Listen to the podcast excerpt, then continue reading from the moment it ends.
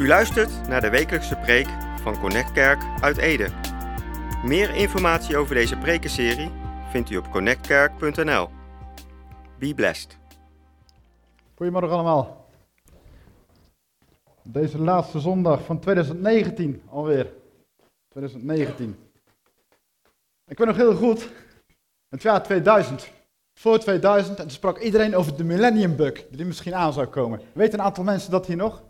Millennium, ik zie een heel aantal handen omhoog gaan. Gelukkig. Gelukkig. De tijd gaat snel.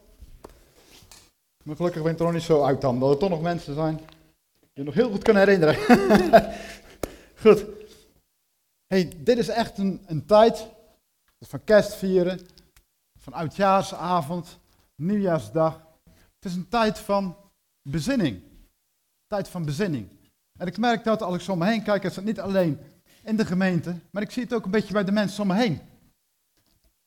En ik werk in een, een vrij technische omgeving, ik werk op een ingenieursbureau. En dan om me heen merk ik dat de mensenharten wat zachter lijken. Dat er wat meer interesse is. Dat als we in de lift stappen, dat de mensen vaker gedag zeggen. En als ik iets zeg, dat de mensen ook iets terug zeggen. Dat is soms ook uniek. Ik werk in Utrecht, daar wilden mensen nog wel eens zo in de lift stappen en zo er weer uitstappen. Je merkt wat zachtere harten.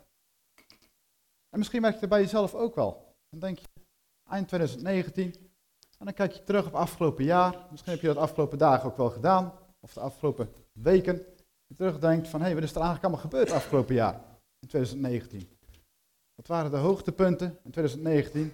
Misschien zijn er heel veel mooie dingen gebeurd. Er zijn een aantal kinderen geboren, ook in de Connectkerk. Maar misschien zijn er ook heel verdrietige dingen gebeurd. Dat kan. Het verlies van misschien mensen om je heen. Of mensen die ziek werden. Dat kan. Maar er kan ook hele bijzondere dingen zijn gebeurd. Mensen die genezen zijn. En heel misschien ontstond er een plan afgelopen jaar. Of had je een droom wat je tot werkelijkheid zag komen. Of is er een visie ontstaan. Als ook een beetje vooruitkijken alvast. Of was een tipje gaan oplichten van 2020. Hoe gaan we 2020 in? Met wat voor gevoel? Waar staan we nu? En waar willen we in 2020 naartoe? Allemaal dingen om bij stil te staan. Ik persoonlijk heb het vaak. Ik ben, ik ben niet zo heel erg van heel lang nadenken over van wat er allemaal is gebeurd. Maar op oudjaarsavond, dan denk ik daar wel eens even over na. Van hé, hey, waar sta ik nu en waar wil ik naartoe? Of willen we naartoe? Met elkaar. Met het gezin, ook met de gemeente, de mensen om je heen. En wat drijft ons erin? Wat drijft ons erin? Wat drijft ons erin? En als we de Bijbel openslaan, dan zien we daarin een aantal ja, handleidingen, een aantal tips, een aantal tools van mensen die heel veel hebben meegemaakt, heel veel hebben beleefd. Allerlei verschillende mensen, van koningen tot zwervers en alles daartussenin. En dan zien we van een van die personen die lift ik er even uit, en dat is de apostel Paulus. En die zegt wat hem drijft. En als we zien wat de apostel Paulus allemaal heeft meegemaakt in zijn leven. Hij heeft een flitsende bekering meegemaakt, waarin hij echt als een lichtflits uit de hemel Jezus heeft leren kennen, terwijl hij hem daarvoor vervolgde. En gedurende zijn leven heeft hij, door het verspreiden van het evangelie heen, heeft hij enorm veel strijd gehad en tegenstand. Maar desondanks, dan schrijft hij in 2 Corinthians 5, dat vind ik zelf heel inspirerend. Dat, laat ik iets zien van zijn hart. Eventjes. Ik hoop niet dat ik erop trap. Wat ons drijft, zegt Paulus, wat ons drijft, is de liefde van Christus. Dat is wat Paulus drijft. Maar dat is ook wat de mensen om Paulus heen drijft.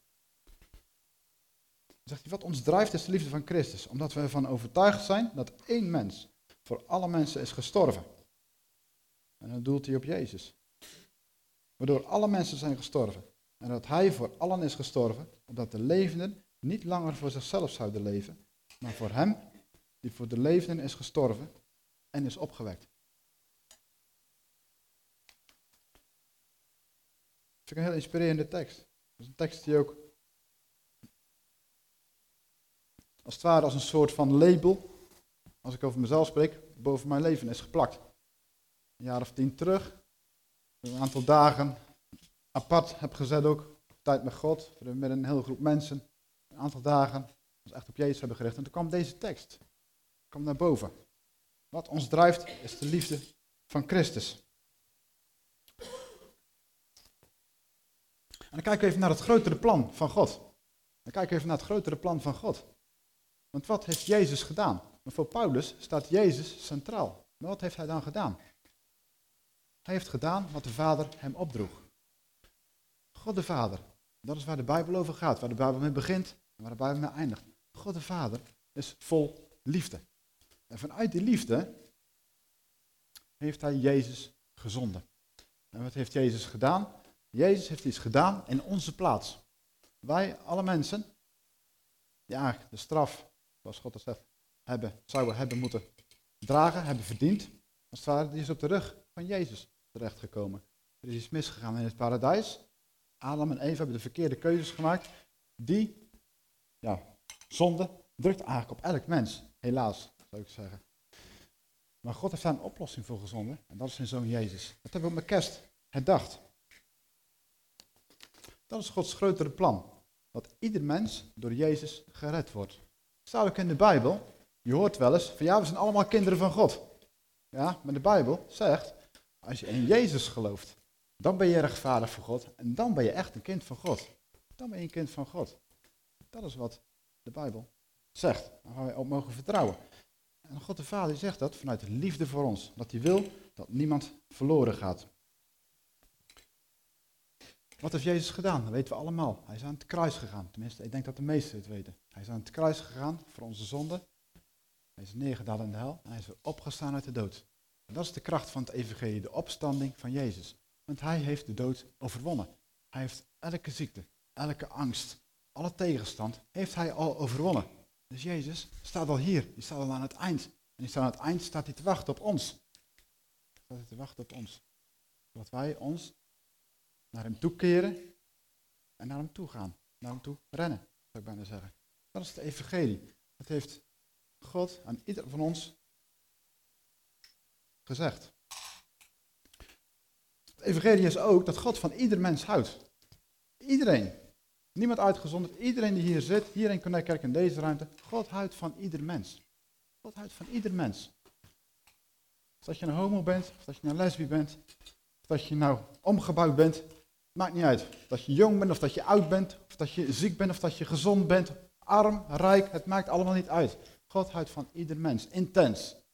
Intens.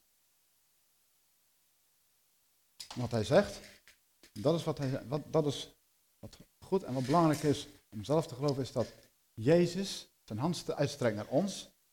En hij zegt, Jezus hebben we allemaal nodig om gered te worden, voor goed. Met als doel dat niemand verloren gaat. En we gaan even naar 2 Corinthians 5. Want wat gebeurt er nou als je christen wordt? Dan gebeurt er een wonder. Als je christen wordt, word je van binnen helemaal nieuw. Je bent als het ware opnieuw door God geschapen. Er is een heel nieuw leven begonnen. Dit alles is het werk van God. Hij heeft ons door Christus met zich verzond en ons de verkondiging daarover toevertrouwd. Dat is het grotere plan van God. Dat wij nieuw worden, maar niet voor niks. Want dan zouden we direct naar de hemel kunnen gaan. Nee, God heeft ons hier geplaatst om te verkondigen. Om te verkondigen. Dat is wat die tekst hier ook zegt. Heeft ons de verkondiging erover toevertrouwd. 2 Corinthians 5 vers 20, die onderstreept het nog een keer. En die zegt, wij zijn boodschappers van Christus. God doet door ons een beroep op u. En wij smeken u namens Christus. Laat het in orde komen tussen God en u. Laat het in orde komen tussen God en u. Dat geldt voor ons, maar dat geldt ook voor de mensen om ons heen. En dan kunnen we de mensen om ons heen niet opleggen.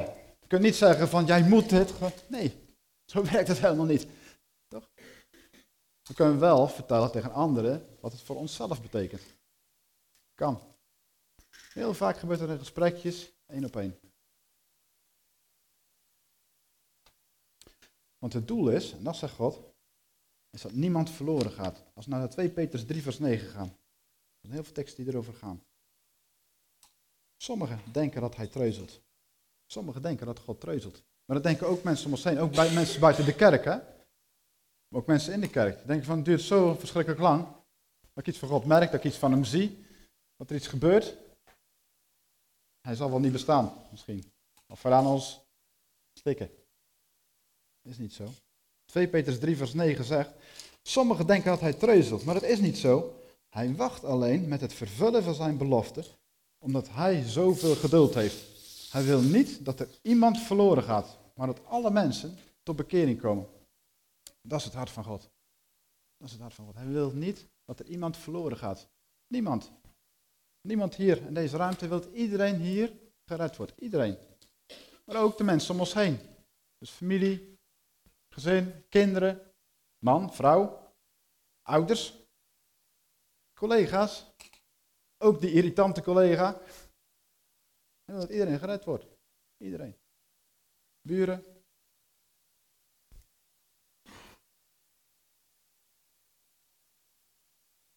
Dat is Gods plan. Dat is Gods plan. Dat mensen om ons heen ook in aanraking komen met zijn liefde.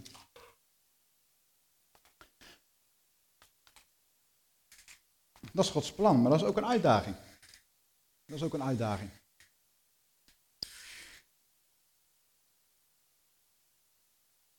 En dan is het belangrijk, sta je op de juiste positie. Staan we op de juiste positie. Om dat evangelie te verspreiden. En dan stap 1 betekent, zijn we in Gods koninkrijk zelf. Zijn we zelf gered. Ik zie wel eens om me heen mensen, en het, inclusief mezelf heb ik dan ook wel die fout gemaakt hoor. Dat je mensen om je heen gaat helpen, terwijl dat je zelf eigenlijk enorm, eigenlijk zelf geholpen moet worden. Snap je? Heb je of zelf te weinig energie, of je doet zelf te veel dingen. Of, nee, je moet eerst zorgen dat je zelf gered bent. Jezelf ook geestelijk gezond in je vel zit. Dan pas kun je anderen helpen. Ik heb geleerd, ook in de loop van het christen zijn, soms kun je heel erg de druk voelen. Dat mensen zeggen van, je moet het verkondigen, het evangelie. Ja, zorg eerst aan jezelf gewoon. Werk eerst aan jezelf. Dat heeft God verschillende keren in mijn leven gesproken. Misschien wel, wel, wel vijf à tien jaar lang. Eerst aan jezelf werken. En dan pas mag je, kan je gaan verspreiden. Dat wil niet zeggen dat het allemaal dan klopt. Helemaal niet. Maar dan zit je wat verder in het proces. En vanuit de ervaringen die je hebt geleerd, mag je anderen dan helpen. Juist vanuit de ervaringen. Want de Bijbel is hartstikke mooi. Maar het kan een gorddroge tekst zijn voor iemand die de Bijbel niet kent. Het gaat leven als wij gaan vertellen vanuit onze eigen ervaring. Wat we zelf hebben beleefd. Dan merk ik, tenminste merk ik zelf wel, dan krijg je de connectie met mensen om je heen. Op het moment dat je gewoon een verhaal vanuit je eigen leven vertelt. En wat God bijvoorbeeld heeft gedaan in je leven. Of hoeveel kracht je uit het leven met God haalt. We staan op de juiste positie. Zijn we in de eerste plaats zelf in Gods koninkrijk. Dan kom je door geloof in Jezus.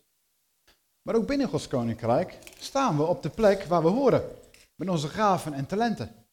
We hebben allemaal gaven en talenten. Allemaal. Van de achterstrijd tot de voorstrijd, iedereen heeft gaven en talenten. Dan staan we op de juiste plek. Om die gaven en talenten op de goede manier in te zetten. Maar dat niet alleen, ook met de juiste mensen om je heen. Want je hebt mensen om je heen nodig, ook in de gemeente, ook in de maatschappij, die je voortstuwen. Dat je zelf anderen voortstuurt, maar dat zij ook jou voortstuwen. En staan we er ook met de juiste drijfveer en met het juiste doel. Misschien ken je het wel, als ik in mijn werk kijk, om me heen. Ik, heb, ik werk in een, in, een, in, een, in een gemeente, grote gemeente, gemeente Utrecht. 4000 man. Heel veel verschillende mensen. Allemaal verschillende doelen, allemaal verschillende dromen. En ik vind het leuk om tijdens mijn werk wel eens met mensen van gedachten te wisselen. Dus ik werk met, natuurlijk werk ik projectmatig en hebben het over het project. Maar heel vaak zit er ook wel eens een aantal minuten persoonlijk iets tussen. Dat vind ik juist mooie momenten. Maar dan zie je ook wat mensen drijft. Dan zie je ook wat mensen drijft. En dan zie je soms mensen zijn heel erg gefocust op het behalen van hun doel. Het behalen van het product, het behalen van het resultaat en kwaliteit daarvan. Maar je ziet ook mensen die hun werk doen met visie, met een drive, met iets diepers. En ik zie, als ik omheen kijk, en dat is puur, ik weet niet hoe dat iemand anders dat ervaart, maar dan zie ik dat de mensen met die drive, met het doel, dat die het meest voor elkaar krijgen. Dat die ook anderen het meest inspireren. Die in ieder geval mij het meest inspireren. Maar waarvan ik ook zie dat ze ook anderen inspireren en ook anderen meekrijgen. Waarom? Ze hebben een drive, ze hebben een hoger doel.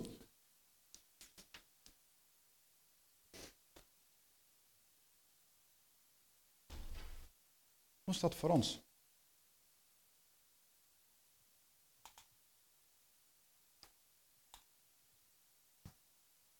En zo ja, stel we staan op de juiste plek. Met onze talenten en gaven. Maken we dan ook gebruik van het momentum. Het momentum. En momentum is niks anders dan stuwkracht. Stuwkracht. Of een golf. Als we kijken in de Bijbel, dat kwam van de week heel sterk om af, dan zie je dat eigenlijk elke persoon, ook Paulus, waar ik net over sprak, en ik zie het ook mensen om me heen, dat ze die ook dienen in Gods koninkrijk, dat er een stuwkracht achter zit, een drijfveer. En wat is dat? In de Bijbel zien we Gods liefde. We net over laatst. Wat ons drijft, is de liefde van Christus. Wat ons drijft, is de liefde van Christus. En dat momentum, die golf, die golf, die ontstaat vaak in periodes van tegenslag. Van tegenspoed. Als ik in mijn eigen leven kijk, zie ik dat het juist in het dieptepunt van mijn leven het momentum ontstond.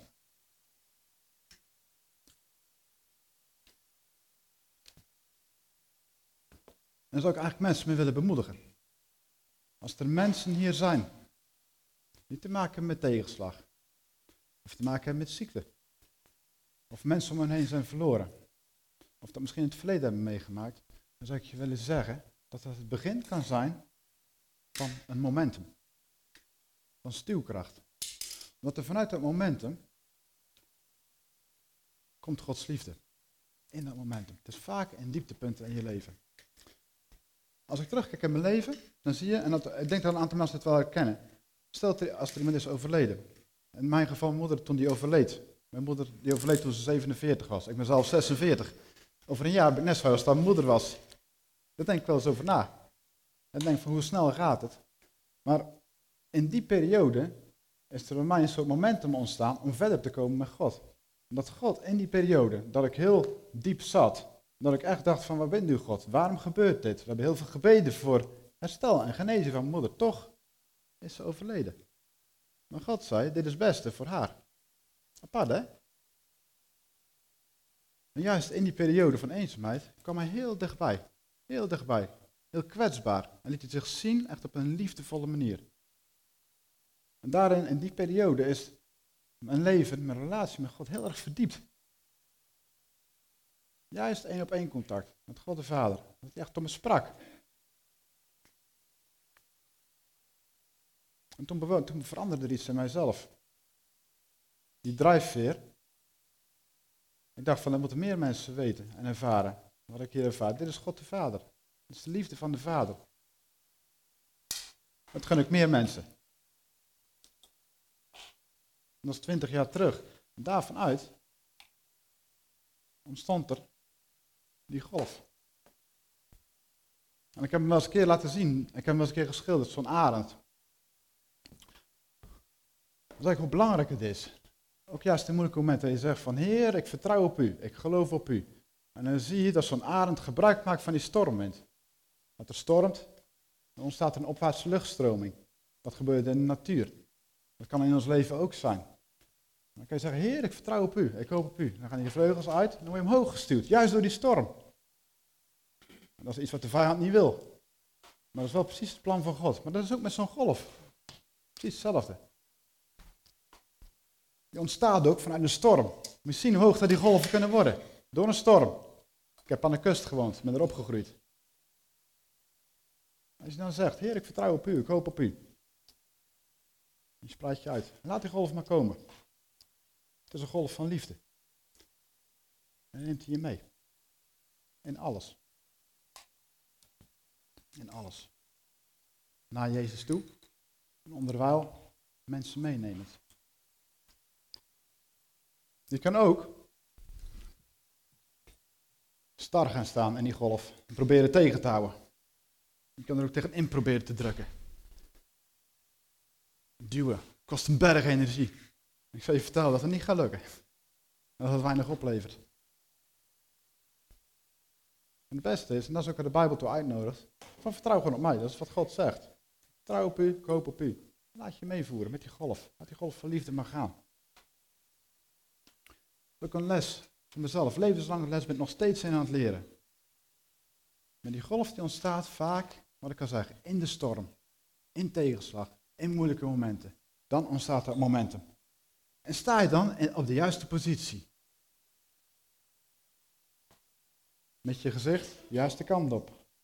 Vertrouwend op God.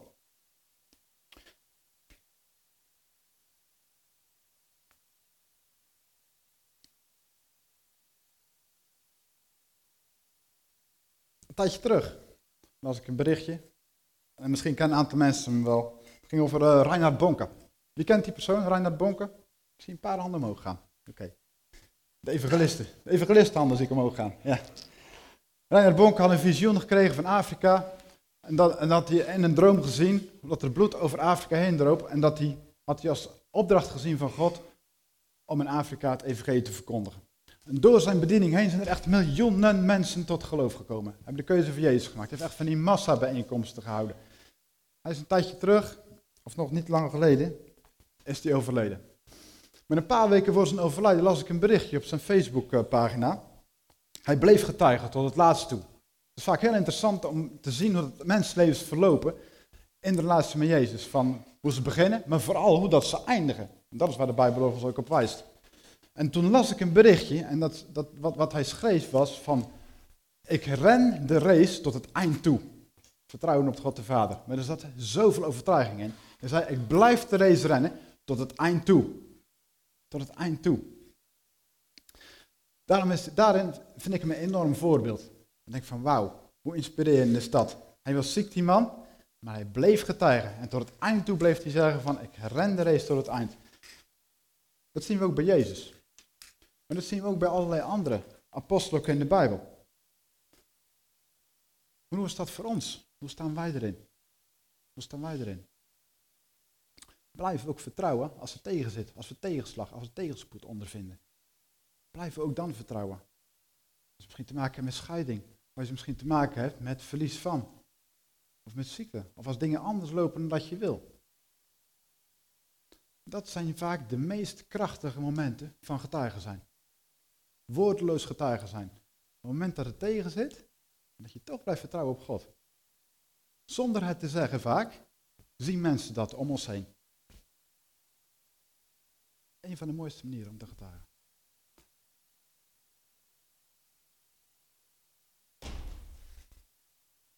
Want, en dat zegt de Bijbel, zonder geloof is het onmogelijk. Geloof is nodig in alles. Vertrouwen is nodig in alles om verder te komen. Zonder strijd is er ook geen overwinning. Geen overwinning.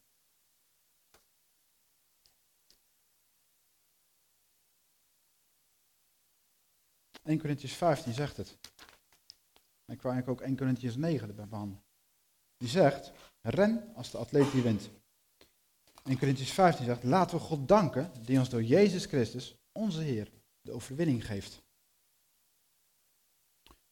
Dus soms kunnen we vallen. Het is vooral van hoe ga je ermee om? Staan we weer op? Staan we weer op? Ook dat is getuigen zijn. Dat je weer opstaat. De Bijbel gaat nog een stapje verder. Die zegt zelfs, wees blij met tegenstand. Nou, ik kan wel zeggen, als ik tegenstand ondervind, dat ik niet altijd blij ben. zijn we blij met tegenstand. En Gods geest wil helpen. Zo meteen. Maar ik ga afronden. Maar ik kan nog één ding meegeven. Dat is een zin wat ik pas tegenkwam. En die ik ook nog even mee delen. Soms kan het zijn dat op het moment dat je stappen wil nemen, dat ook voor 2020, als idee hebben van het is goed om stappen te nemen, kan het zijn dat mensen om je heen je ontmoedigen. En er is zo'n zinnetje, dat kan pas op me af. En misschien kan die ook nog gebeamerd worden. Het maakt niet uit wat mensen tegen je hebben gezegd. Als je op God vertrouwt en stappen in geloof blijft zetten, zal hij je op plaatsen brengen waar je eerder zelfs niet van durfde te dromen.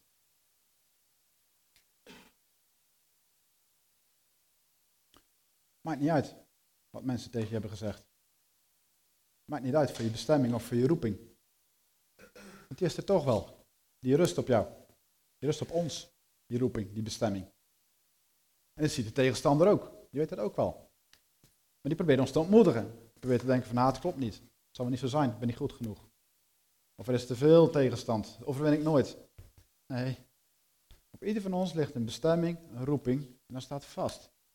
Dat staat vast. En dan mogen we in wandelen. En dat is vaak hetgeen wat God al diep in je hart heeft gelegd, waar je verlangen naar hebt. Ren als de atleet die wint.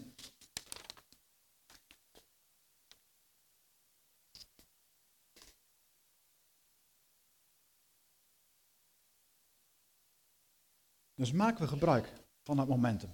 Maken we gebruik van het momentum. Een paar weken, paar weken terug. Dat is even een voorbeeldje. Ik heb op allerlei, manieren in mijn leven dat mogen ervaren, moeten ervaren. Maar dat is even een, een, klein voorbeeldje. We zijn, we, we zijn op, zoek, op zoek naar een huis. We waren op zoek naar een huis. En het was twee weken terug ongeveer. We waren al een aantal maanden op zoek. En dan ben je aan het kijken. Je kijkt eerst eens wat in bestaande woningen. En het is een beetje moeizaam. En dan denk je van nou, en mensen om je heen doen allemaal biedingen. Dat je denkt van nou, hoe kan het überhaupt dat mensen dat. Maar goed, het gebeurt. En uh, op een gegeven moment hadden we een heel aantal, vijf, zes, zeven woningen bekeken. En op een gegeven moment hadden we zoiets van, uh, misschien is het toch goed om naar een nieuwbouwwoning te kijken. En ik moet ook eerlijk zijn, ik ben meer honkvast. Mijn vrouw is vaak degene die dingen in beweging zet, ook op dit vlak. Maar ik ging er zo over nadenken. Ik had het idee, volgens mij wil God ons, op, God ons op een andere plek hebben. Dus in de wijk waar wij nu wonen, daar is op zich we heel goed contact met de buren, hebben we allerlei mooie dingen gedaan. Ik denk ook dingen van God zelf mogen laten zien, Gods liefde hebben mogen laten zien op allerlei manieren. het is weer tijd om te gaan, een andere plek. Wel in Ede. wel in Ede. Ondanks die 50, 60 kerken hier, natuurlijk nog steeds in Ede. Er zijn nog genoeg mensen die gered mogen worden. Maar toen kwam er op een gegeven moment kwam er een nieuwbouwwoning op ons af. En ik dacht van, laat ik daar eens op inschrijven. Dus ik schrijf een mailtje naar die, uh, naar die makelaar. Van, we hebben interesse in die woning. Krijg ik een mail terug. Hij zegt van, ja, hij zegt van, dat is leuk. Maar uh, op die woning, er is al een, uh, een koper, is er al. er zit iemand reserve op. Dus als je daarop in zou schrijven, ben jij reserve van reserve? Of zijn jullie reserve van reserve? Van oeps, nou, ik had toch zoiets van, weet je wat ik doe? Ik ga toch heel snel schrijven, ik toch even zo'n uh, mailtje en dan zien we wat er van komt. Nou, van, er komt denk ik niks van. Maar goed, toch, toch maar doen. Iets, een klein beetje geloof, zo van nou. en twee dagen later denk ik een telefoontje en dan belt die makelaar op. Hij zei jullie mogen langskomen. Jullie mogen langskomen. Van, ja, je mag, je mag langskomen. Je mag gelijk even, eh, dan gaan, we, dan gaan we financiën bespreken en zo. Ja, financiën bespreken. Man, als we reserve van reserve staan, hij had geen financiën bespreken. Maar goed, wij gingen er maar naartoe. We dachten van in ieder geval, baat het niet, dan schaadt het niet. Dan uh, hebben we in ieder geval ons gezicht laten zien. En we zaten daar bij die makelaar. En hij zei van... Uh, want wij hadden een heel gesprekje toen financieel. En toen op een gegeven moment zei hij van... Uh, van hij zei van nou, hij zei van de koper... Die, die, heeft, die kon de financiering niet rondkrijgen. Dus de heilige koper dan. Dachten, oh, dat vergroot onze kans al, dachten. Oh, dus iets van, nou, uh, maar zitten hier dan voor niks, want er zat nog iemand reserve. Nee, die reserve die heeft een ander huis gekocht. Dus uh, hij zei van wie het eerst komt, niet het eerste maal, is nu. En uh, jullie zitten hier voor mij, zei hij zo. Ik dacht van? Wat is dit dan, joh? Dus in één keer dan denk je van, er is een koper, een reserve. Je denkt, je staat de reserve van reserve. En in één keer gaat de deur open. En dan denk ik van, dat is van God, denk ik. Dat is iets van God. Want dan wil hij, denk ik, ons daar op die plek hebben. Maar dat kan op heel veel andere manieren ook in ons leven gebeuren. Dat je denkt, laat ik maar een gooi doen. Heeft het zin? Ik weet niet of het zin En ook nog eens leuk als er dan mensen om je heen gaan zeggen van ja, het heeft geen zin. Nou goed, dan heb je toch heb je die gooi gedaan. Maar soms kunnen daar de mooiste dingen uit voortkomen. Van de mooiste dingen. Daar wil ik je mee bemoedigen. Dat God op alle manieren voor ons wil zorgen. Zo even gaan staan.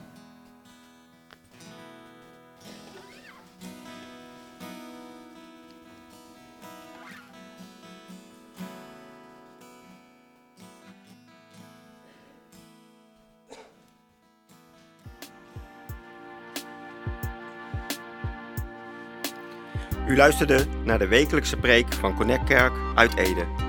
Meer informatie over deze gemeente en alle preken over dit thema vindt u op connectkerk.nl of bezoek onze Facebookpagina. Bedankt voor het luisteren en wees tot zegen.